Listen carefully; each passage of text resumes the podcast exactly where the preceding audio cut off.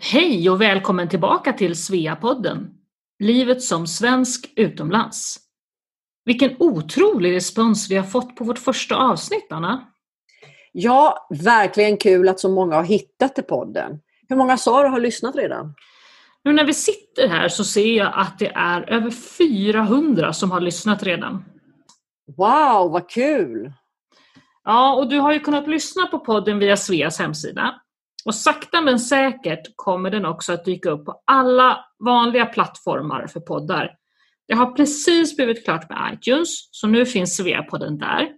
Och allt eftersom den dyker upp på fler ställen så informerar vi såklart. Men eh, vad har vi för intressant gäst den här gången? Ja, idag får vi lyssna till en jättespännande person, Susanna Häggel.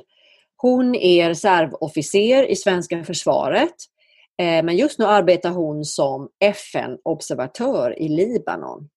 Ja, skånska Susanna berättade om sitt liv med allt från tiden som tjej i svenska lumpen till utposteringar på kritiska platser som Kongo och Bosnien, men också om vardagslivet i norra Italien, där hon är hemmabasen tillsammans med man och dotter.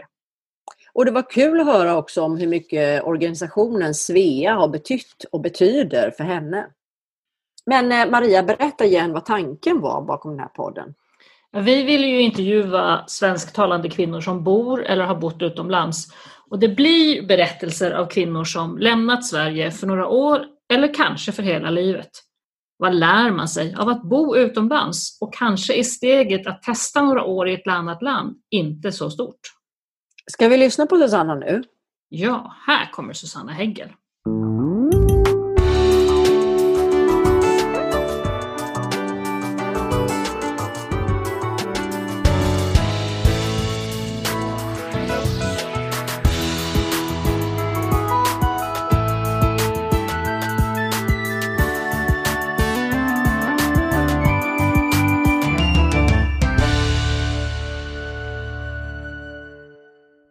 Hejsan! Jag heter Susanna Heggel och eh, är normalt bosatt, bosatt i Italien. Men under ett år, sedan oktober 2019, så bor och arbetar jag i Libanon där jag är utsänd för FN genom svenska försvaret. Hej Susanna och välkommen till eh, Sveapodden. Så himla kul att du är med oss idag. Tack! Du, vi tänkte så här, var kommer du ifrån i Sverige egentligen? Jag kommer ifrån eh, Skåne, eh, nere på Österlen och eh, har eh, vuxit upp där nere i en liten by ute på landet. Sen har jag bott utomlands ungefär i 20 år totalt fram tills nu, mestadels i Europa eh, och sedan 2016 så är jag fast bosatt i Italien. Det som är väldigt spännande när man läser lite om dig, det är ju din fantastiskt intressanta karriär här som reservofficer i, i, i svenska försvaret och sen även inom FN. Kan du inte berätta lite hur du kom in på det och vad du gör med det nu i Libanon? Jo, jag eh, kom faktiskt in på det där. Jag gick på bio när jag var 13 år gammal och såg tjejen som gjorde lumpen med Goldie Hawn. Och eh, det där tänkte jag att det vill jag också göra. Så den här tanken fanns kvar ganska länge så jag mönstrade och efter gymnasiet så eh, ryckte jag in i det militära och gjorde militärtjänst i totalt 15 månader. Och trivdes bra med det men jag ville inte bli yrkesofficer. Anledningen tror jag till det var att, eh, eller är, att jag är alldeles för nyfiken på livet och vill prova på många saker. Och då eh, fanns det precis möjligheten också, man öppnade upp även för tjejer, att man kunde bli reservofficer. Reservofficer innebär att man eh, har ett civilt jobb normalt sett, men vid olika tidpunkter med olika eh, vad ska jag säga, frekvens så kommer man in och arbetar inom det militära. Det kan vara som frivilliganställd, som instruktör, men även som till exempel nu, jag är iväg på en FN-tjänst. Eh, och det finns även, man kan jobba med andra organisationer, till exempel NATO och andra fredsinsatser och så vidare. Hur var det egentligen eh, när du, eh, när du utbildade dig där inom svenska försvaret bland alla killar? Jag läste att det var 600 killar och två tjejer. Hur var det? Ja, ja vi hade ju allas ögon på oss inte bara från de andra killarna som gjorde lumpen. De var väl mera okej okay och vana vid det där. Men framförallt var det ju många officerare som inte hade varit eh, så mycket erfarenhet med eh, kvinnor i försvaret. Jag eh, tror jag kom in det tredje året efter att man hade börjat öppna upp för kvinnor i det militära. Och då började med flygvapnet och marinen. Eh, och sen så då armén. Så att eh, vi hade allas ögon på oss och hur man skulle prestera. Och det blev också en, till viss del en sporre att vi vill göra så gott vi kan. Framförallt då fysiskt. För alla eh, testresultat och allting baseras på killarnas värden. Så det skulle ju innebära att som en medel kille, eh, då ligger man högt som en tjej. Som en låg kille ligger man medel som en kille. Mm. Så att eh, det var mycket, och vi var två stycken. Vi var mycket ute och sprang och tränade och vi sprang milen och vi eh, styrketränade och vi peppade varandra jättemycket. Och, ja, många tyckte ju att vi var lite galna men ja, det var vi väl för vi gjorde ju allt detta frivilligt. Många tyckte att vi var helt konstiga i huvudet för att du får, man fick inte så mycket betalt heller. Du får ju, eh, man har kost och logi och fri, gratis transport. Eh, och sen så då på den tiden, och detta var 1987, då hade vi 27 kronor om dagen. Eh, det blev man inte speciellt fet på. Men eh, vi gjorde ju detta för att vi tyckte det var jätteroligt. Men och, du, nu, är det väl, nu är det väl fler tjejer som är, gör lumpen? Än vad ja, det var då? nu är det fler. Men jag tror inte att det ligger på mer än, eh, alltså det ligger inte ens på 10 procent. Och det är ju någonting som eh, man, man ska säga det svenska försvaret men även andra länders försvarsstyrkor. De vill ju ha in flera kvinnor i försvaret men samtidigt så får man ju inte tumma på eh, vad ska man säga, den kapaciteten, alltså den, den eh, kvinnornas eh, styrka, fysiska styrka och mentala styrka framförallt. Det är det som är mycket är avgörande för att man ska kunna klara av det. Många väljer ju att komma in men sen är det många också som hoppar av för att systemet är kanske inte speciellt gynnsamt när man väljer att bilda familj. Ligga ute i tält och du är småbarnsförälder. Det, liksom att du jobbar många gånger kanske när du är ute på övning så jobbar du kanske två, tre veckor i sträck. Eh, och var hanterar man då detta i barnomsorg och om inte ens man kanske eller man är ensamstående. Det, det, det är väldigt svårt. Mm. mm. Jag tänkte så här, du valde ju sen då att utbilda dig till reservofficer och som du nämnde så har du ju ett annat jobb vid sidan om hela tiden med dina uppdrag. Är det någonting som många tjejer väljer att, att göra eller är det fortfarande samma sak att det är färre, mycket färre tjejer? De, det är mycket färre som gör eh, alltså är reservofficerare. De flesta tjejer som kommer in är ju yrkesofficerare och det är ju också på ett sätt enklare att du är bara i en organisation. Eh, när man är reservofficer så får du pussla och snickra lite grann och det är mycket på individuell basis på, beroende på vad man själv vill. Eh, men även då vad man säger, man säger eh, regementet kanske vill eller den militära organisationen men också var det finns ett behov. Eh, och de, många reservofficerare som jag känner, de, eh, det är att man kanske har haft flera olika arbetsgivare. Alla arbetsgivare i, till exempel i privata eh, näringslivet är inte alltid så eh, ska säga, positiva till att man kanske åker iväg ett halvår i ett år på ett uppdrag. För det, du, du står ju utan den kapaciteten helt plötsligt. Eh, och den arbetskraften och sen kanske man ska komma in och ta tillbaka sin plats sedan. Så att eh, det kan vara lite trixigt. Det här har jag valt att gå runt om. Jag har ju flyttat runt i världen och jag har, inte, jag har haft många olika arbetsgivare.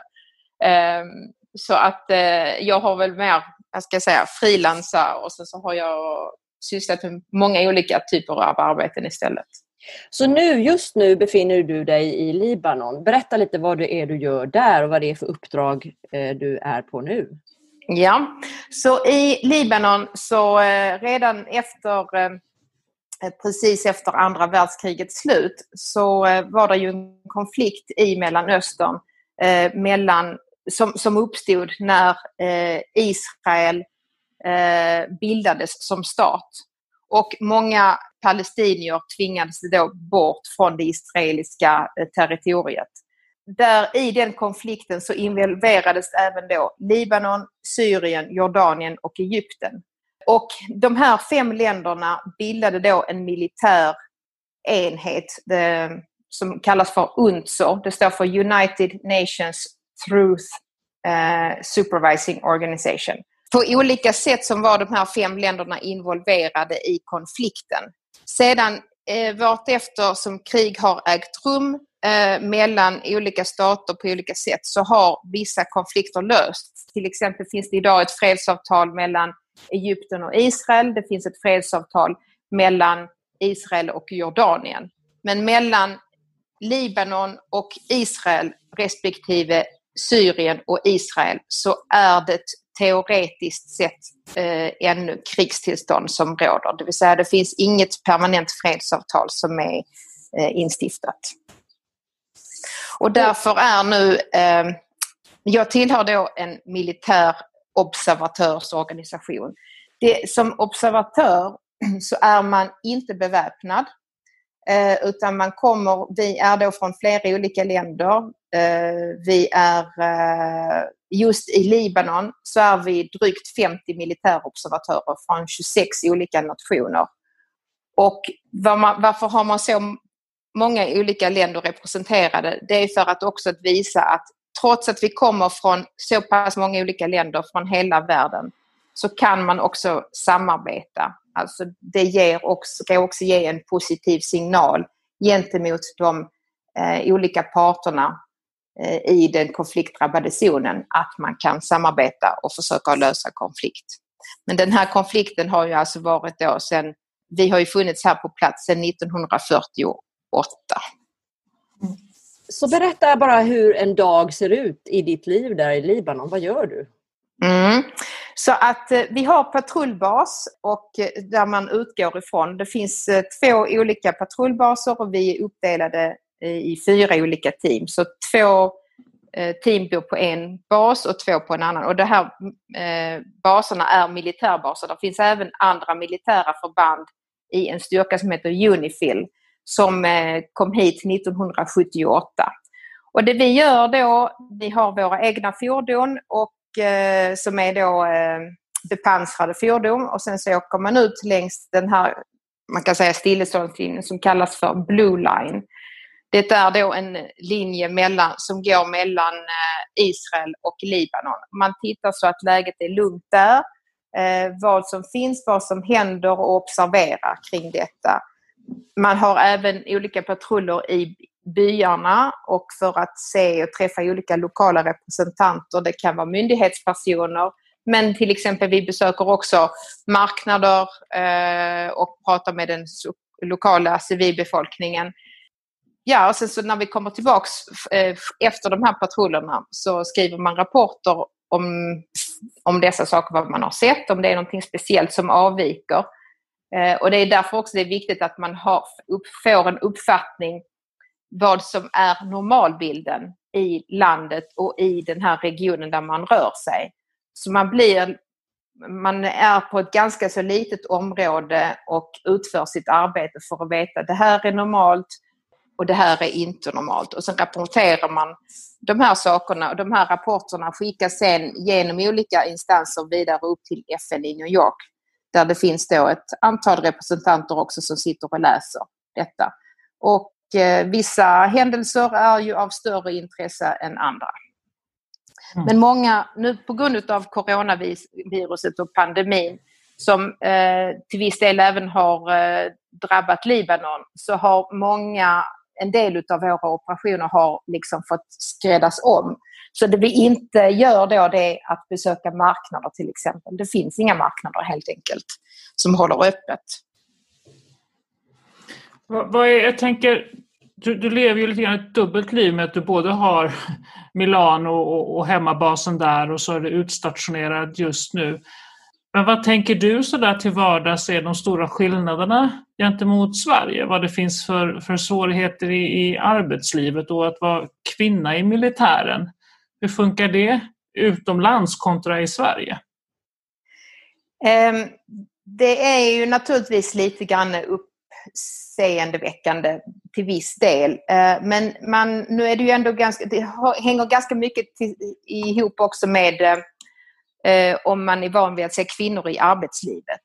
Och nu finns det ju även kvinnor i den libanesiska armén. De är väldigt få dock, men det finns. Så att det, men det jag kan se här i eh, Libanons och även jag har varit på tidigare uppdrag i Kashmir i Indien och Pakistan så har det faktiskt en väldigt positiv inverkan för att i de här muslimska kulturerna så kan inte en man prata med en kvinna, alltså en manlig militär kan inte närma sig en kvinna och fråga henne om saker och ting. Men det kan jag göra mm. som kvinnlig militär, för jag är kvinna. Så av den anledningen så kan jag se, för jag kan prata med den manliga delen, för jag är militär. De ser mig i rollen som militär. Men en kvinna kan se mig som en kvinna med uniform.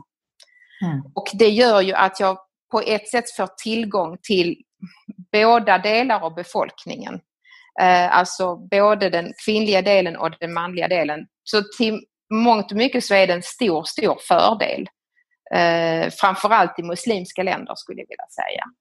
Men sen är det naturligtvis även andra svårigheter men det har man kanske mer gått igenom när, man, när jag gjorde då militärtjänst att det inte var så vanligt med kvinnor att man känner, jag kände själv också, jag var tvungen att kunna hävda mig hela tiden, framförallt fysiskt och mentalt att, att jag klarar av det här verkligen, jag orkar och jag kan ut och marschera med 20 kilo packning på ryggen och jag ska klara av det här. Eh, men det är ju saker och ting som du får med dig i din utbildning för att, för att fixa det. För att uppgiften är densamma. Mm. När vi kommer ut och vi, vi på olika uppdrag så är det samma uppgift som ska lösas. Om jag är stridsparskamrat, det vill säga då är man indelade två och två och någonting händer med den andra, då måste jag ju kunna dra ut honom eller henne ur den kritiska situationen med min fysiska styrka det är därför. Det är liksom inte, handlar inte... Eh, ja, jag vet inte riktigt hur jag ska säga där. Måste ja. man då vara, om man, om man är tjej och funderar på det här, gå in i militären, måste man vara extra fysiskt stark då? Ja, alltså måste och måste. Um, det är alltid jättebra att vara vältränad där. Um, men nu vet jag inte riktigt, för jag vet att det har varit mycket debatter om att hur man ska, eh, om man måste klara av att lyfta samma vikter. Nej, det behöver man inte, men du måste kunna ändå ha en uthållighet. Till exempel att du orkar springa milen och sen är det ju vissa tidskategorier som man kan delas in i. Men alltså att en, en uthållighet är kanske viktigare än en, en punktstyrka. Jo, men det är lite grann som du säger, man måste ju, en viss typ av styrka behövs ju för att faktiskt kunna genomföra jobbet. Mm, mm. Jag kan tänka mig lite grann som vi tänker som oss en brandman. Mm. Men du kan inte ta kanske vilken person som helst eh, utifrån eh, stan liksom. Utan, eh, som, som, som finns där som kanske skulle tycka att inte, jobbet är intressant. Det räcker inte utan det, måste, det finns vissa fysiska krav man måste uppnå för att orka med det. Hur är det med kollegorna och så runt omkring i världen? Så att du har ju kollegor från ett 20-tal länder. Kommer det kvinnor till, till eh, militären från andra länder också eller var är det vanligast? Ja, eh, det är eh, vanligast i, eh, från Skandinavien, Holland, eh, Nya Zeeland eh, som jag ser det. Sen finns det ju enstaka andra också länder. Polen och eh, det finns även eh, kanske någon ifrån USA och alltså det, det, finns ju andra länder. Alltså vi har även en från Kina, men det är första Kina deltar nu för första gången med en kvinnlig observatör. Är det en, en, ett arbets, en karriärväg eller du är ju reservofficer så kanske inte karriär, men är det ett ett val som du skulle rekommendera för andra tjejer? Ja, jag tror att man, alltså är man inne på den här banan att man eh, kanske väljer, eh, är intresserad av lite kanske mer en utmaning, för det är, ett, det är ett utmanande arbete, både fysiskt och mentalt, som jag kan tänka mig krävs inom polisen till exempel, inom eh, olika typer av räddningstjänst, ambulans, brandkår och så vidare. Men även då om man sen åker, väljer att åka ut som jag gör på olika länder, då är det ju också att du har det här med det internationella, internationella konflikter. Att se eh, en del, eh, man säger konfliktdrabbade områden ute i världen. Vad kan jag göra åt detta? Men jag rekommenderar om man har de, om man har de intressena så ska man inte känna sig att jag kan inte göra detta för att jag är kvinna. Jo, det kan du. Du kan göra detta, även om du är kvinna. Och du kan göra det också till din egen fördel, som jag nu stämde med de muslimska länderna till exempel. Så se möjligheterna, inte hindren. Du har de andra länderna där som du nämnde samma system med reservofficerare eller är de alla yrkesofficerare?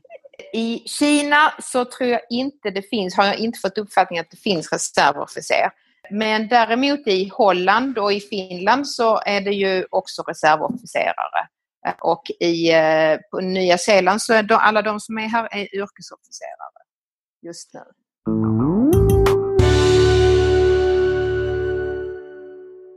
Ja, Anna, kan inte du berätta lite mer om Svea för de som inte hört talas om oss förut? Vad är Svea? Ja, Svea är en helt fantastisk och unik organisation för svensktalande kvinnor som bor eller har bott utomlands. Svea grundades 1979 i Kalifornien av Agneta Nilsson och är ett självklart nätverk för dig som är svenska och bor utomlands. Men namnet Svea då, vad betyder det? Svea är en förkortning av Swedish Women's Educational Association. Vi är en global ideell förening med 7000 medlemmar i ett 70-tal lokala avdelningar i över 30 länder. Och vad händer i Svea då? Varför ska man vara med? Via Svea så eh, får man ett nätverk av svensktalande vänner och ett stort utbud av intressanta aktiviteter, både lokalt men även på nätet. Svea eh, är också en välgörenhetsorganisation med en viktig stipendieverksamhet både internationellt och lokalt.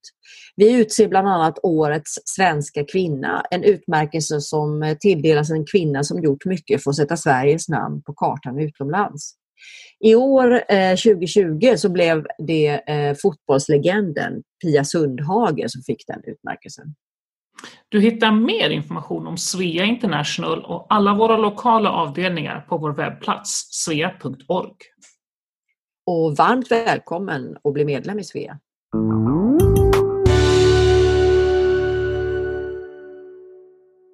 Hur fungerar då eh, en sån här sak som, som familjelivet i ett sånt här sammanhang?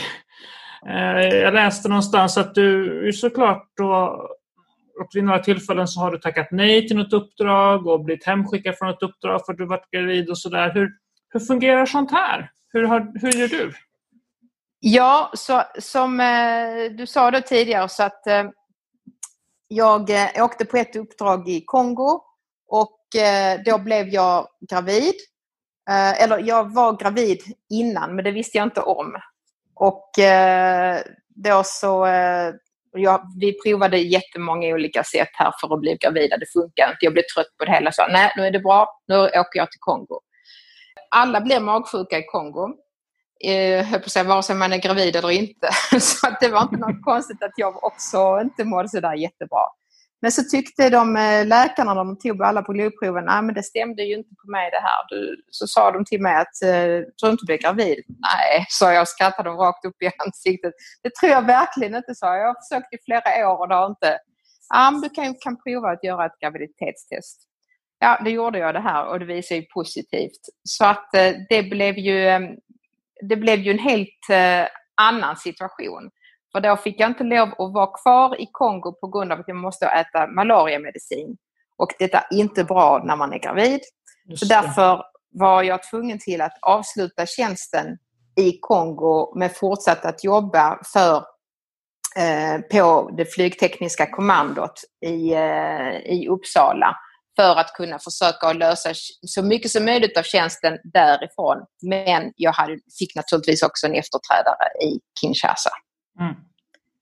Men annars familjelivet, ja, alltså det kan ju vara en utmaning och jag har fått eh, förfrågan vid olika tillfällen efteråt när min dotter var född och hon var i ja, mellan sju och tio år om jag ville åka iväg till Afghanistan.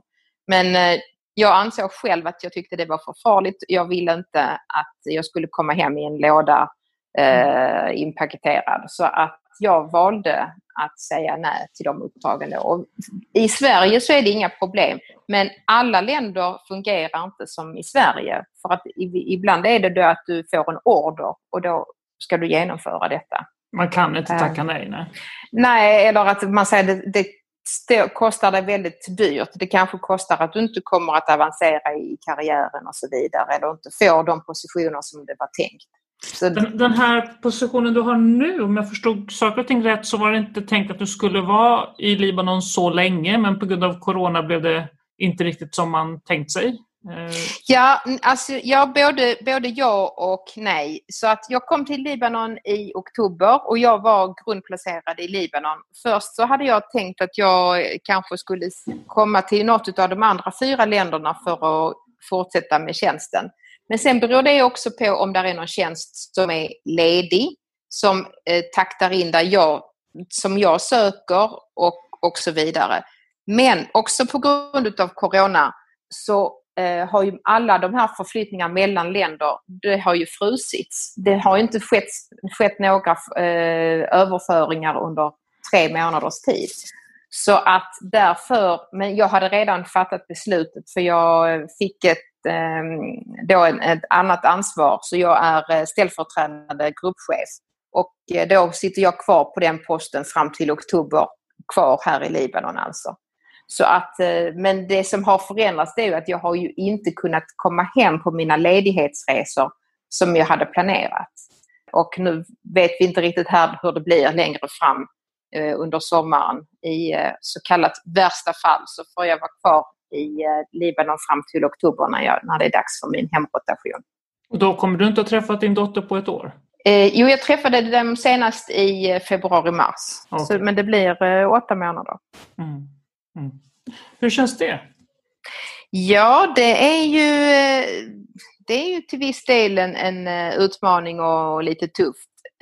Men samtidigt så är jag är ju jätteglad för att detta händer idag när vi har Zoom, WhatsApp, eh, alla möjliga sätt att hålla kontakten via med sociala medier och, och i telefonmässigt med internet.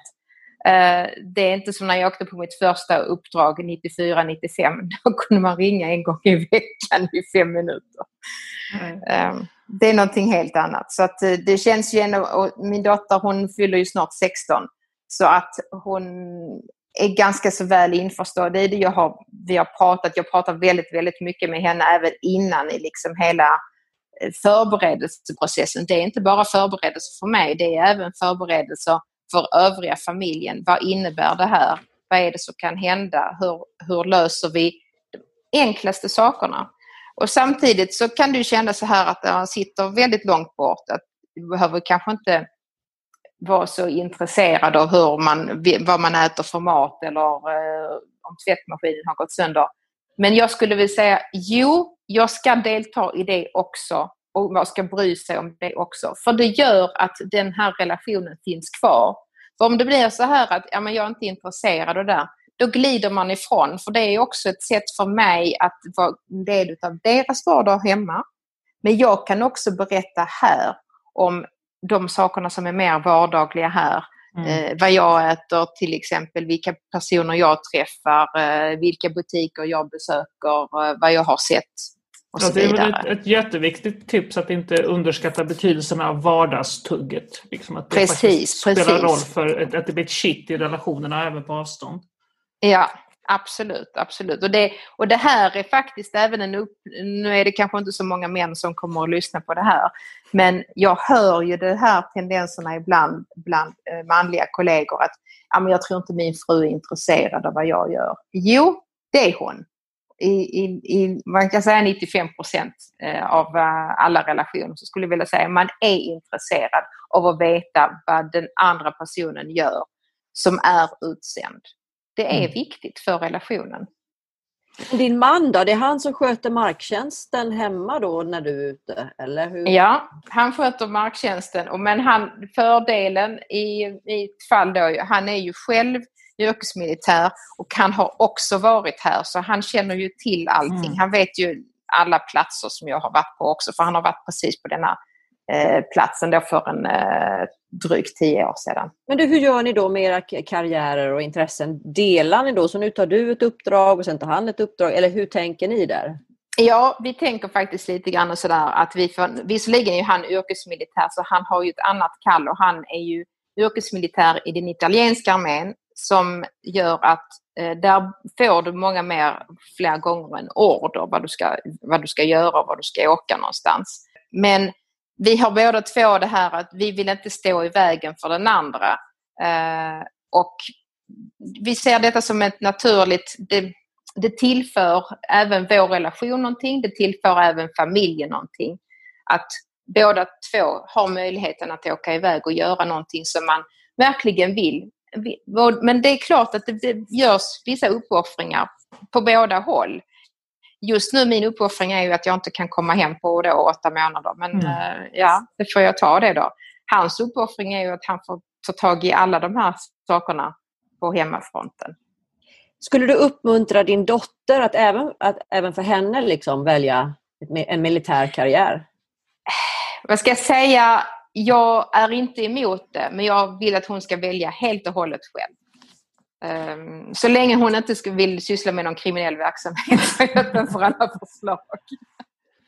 Där hemma i Milano då så är du medlem i Svea också vad jag förstår? Ja det är jag. Vad, ja. vad var det som gjorde att du blev medlem i, i Svea?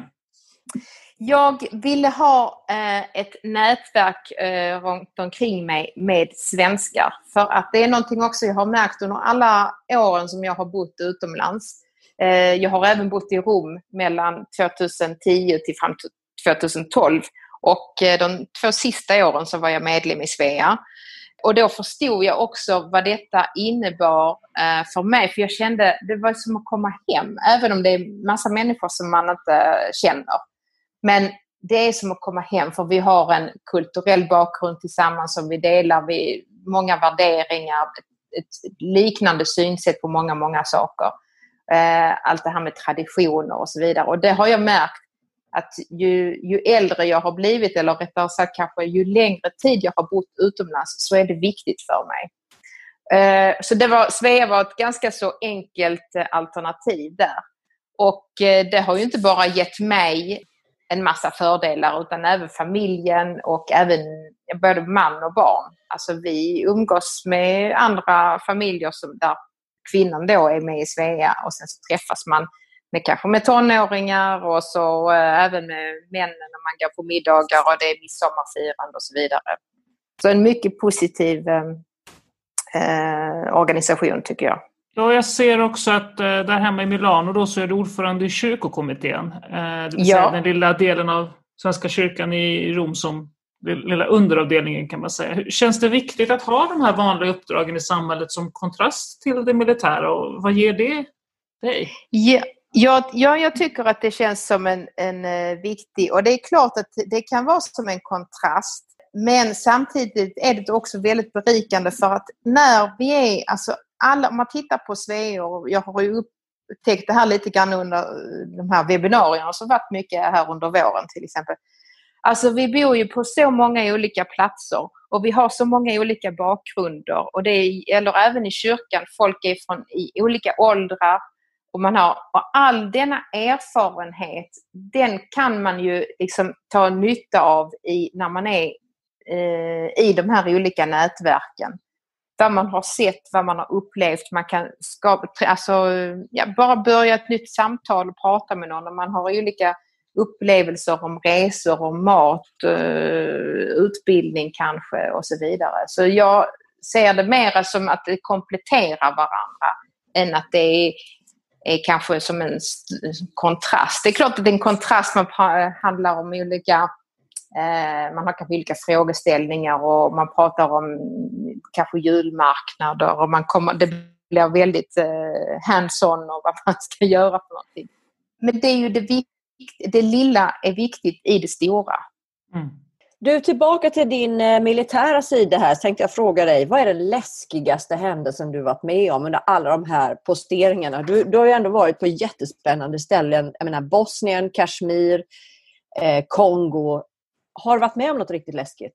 Ja, faktiskt under eh, kriget i Bosnien under 1994 till 95 så var det mitt första FN-uppdrag och eh, det var ju krig eh, då nere. Jag var i Kroatien i Zagreb och vi hade vårt kontor inte så långt ifrån flygplatsen i Zagreb. Och eh, vi blev, alltså flygplatsen blev ju bombad. Så det kom, det flög ju någon granat där. Så vi, vi hade ju fått lite grann på känn att det skulle vara, det var lite mer spänningar. Så vi gick omkring med hjälm inomhus för det är ju bara sådana här containrar. Det ser ut som byggcontainrar. Det är bara plåt. Det går ju jättelätt att bomba sådana. Då, det var lite förhöjd puls eh, där. Det gick bra.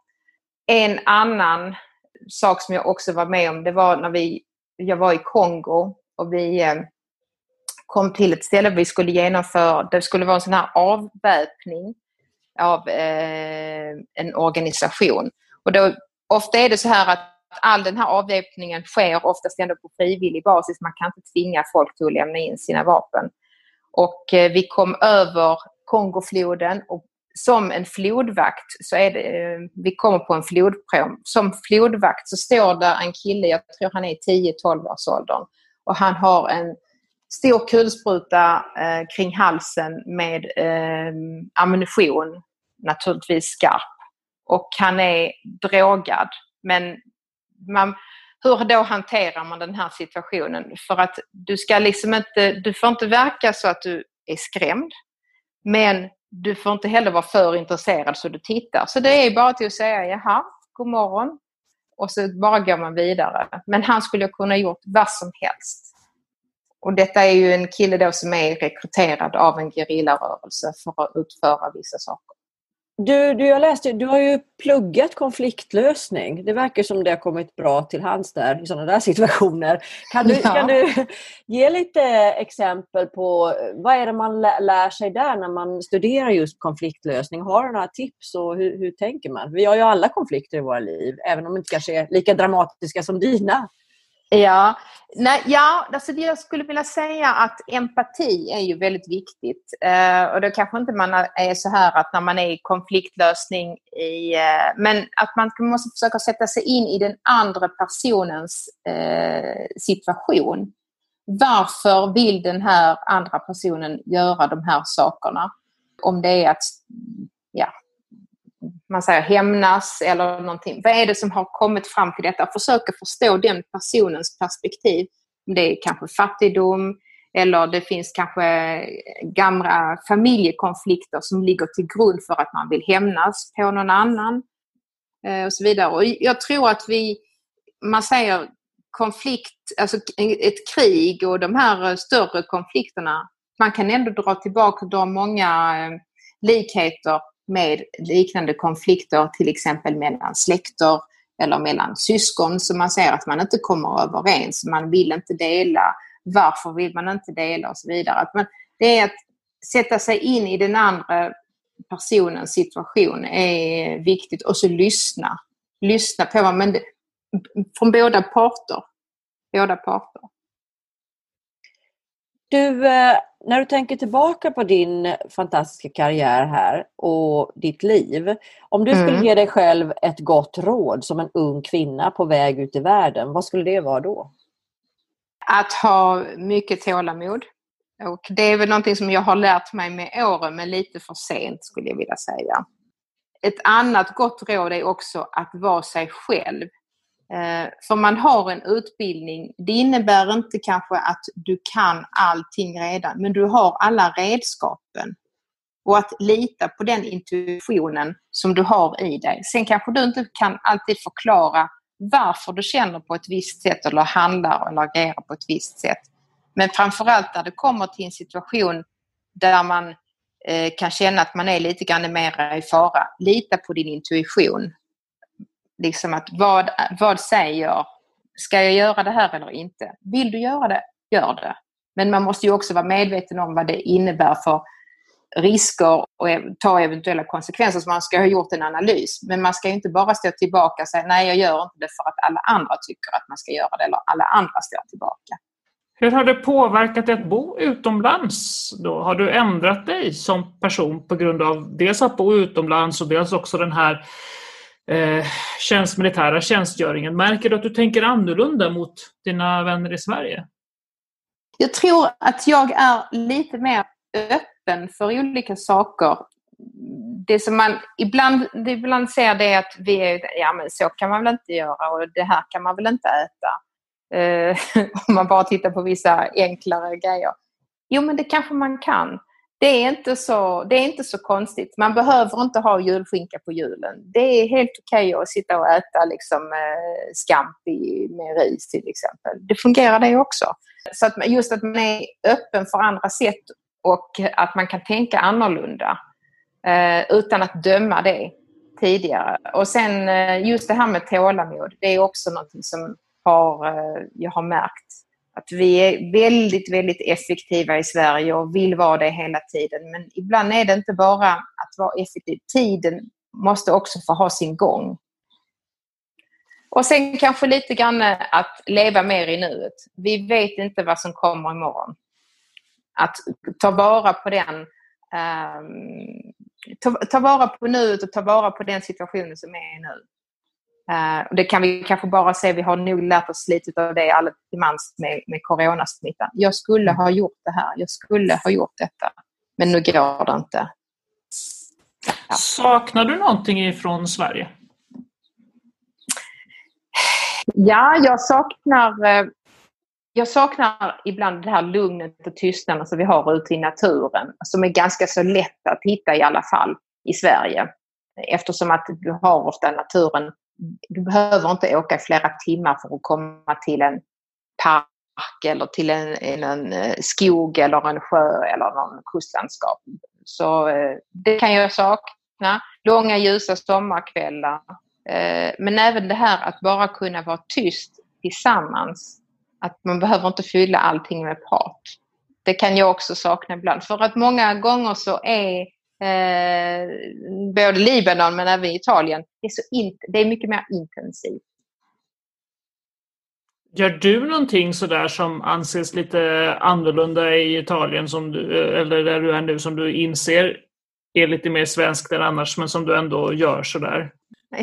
ja, ja, till exempel när jag är ledig, när man jobbar eh, mellan en vecka och elva dagar eh, Eh, och sen har man ett par dagar ledigt. Och när jag har ett par dagar ledigt eh, så brukar, då är jag nere i Tyr vid kusten och då brukar jag stiga upp eh, väldigt tidigt på morgonen vid halv sex och så går jag ut och så promenerar jag längs stranden i ett par timmar och kanske avslutar med ett morgondopp och sen går jag hem. Eh, och det är väl kanske ja, det är inte så mycket folk ute då. Och vissa människor tycker också det är konstigt kanske att jag badar då, man säger redan från februari till ut i oktober, november. Men det är ju svensk badtemperatur nästan året om. Så det, men det är väl kanske ett exempel. Ja, tack så jättemycket Susanna för att vi har fått prata med dig idag. Och vi har haft eh, elektricitet under hela vårt samtal. Det var vi inte helt... Ja, det är helt äh... fantastiskt. Jag är helt förvånad. det var vi inte helt säkra på i början. Vi hade gjort en massa reservplaner här ifall vi skulle få strömavbrott. För det har ni titt som tätt vad jag förstår. Ja, ja. det har blivit ja. mera nu den sista tiden. Men så är det. Ja. Jättespännande att få prata med dig och få höra mer om livet i, i um, utlandstjänst. Ja, tack. Tack så mycket. Och så vill jag passa på även att tacka för alla de här webbinarierna som har eh, anordnats. Det har ju varit liksom ett eh, highlight här under coronatiden. Eh, och jag hoppas verkligen att det kan fortsätta trots att det inte är corona längre fram. Vad roligt att du gillar det. Vad roligt att du säger det. Vi, ska, vi jobbar på. Det kommer ett, ett program här i höst också. Det är mycket som vi har lärt oss här under den så kallade coronavåren som man hoppas att vi tar med oss in även i något, något sånär mer normal framtid. Men tusen tack Susanna och eh, vi hoppas verkligen få höra mer från dig framöver här. Du, du har säkert eh, många fler spännande uppdrag framför dig. Vi kanske återkommer och intervjuar dig en annan gång. Ja, Ja, det går jättebra. Tack ska ni ha och ha en trevlig dag. Ja, tack detsamma. Tack ha. Tack. Hej. Hej då.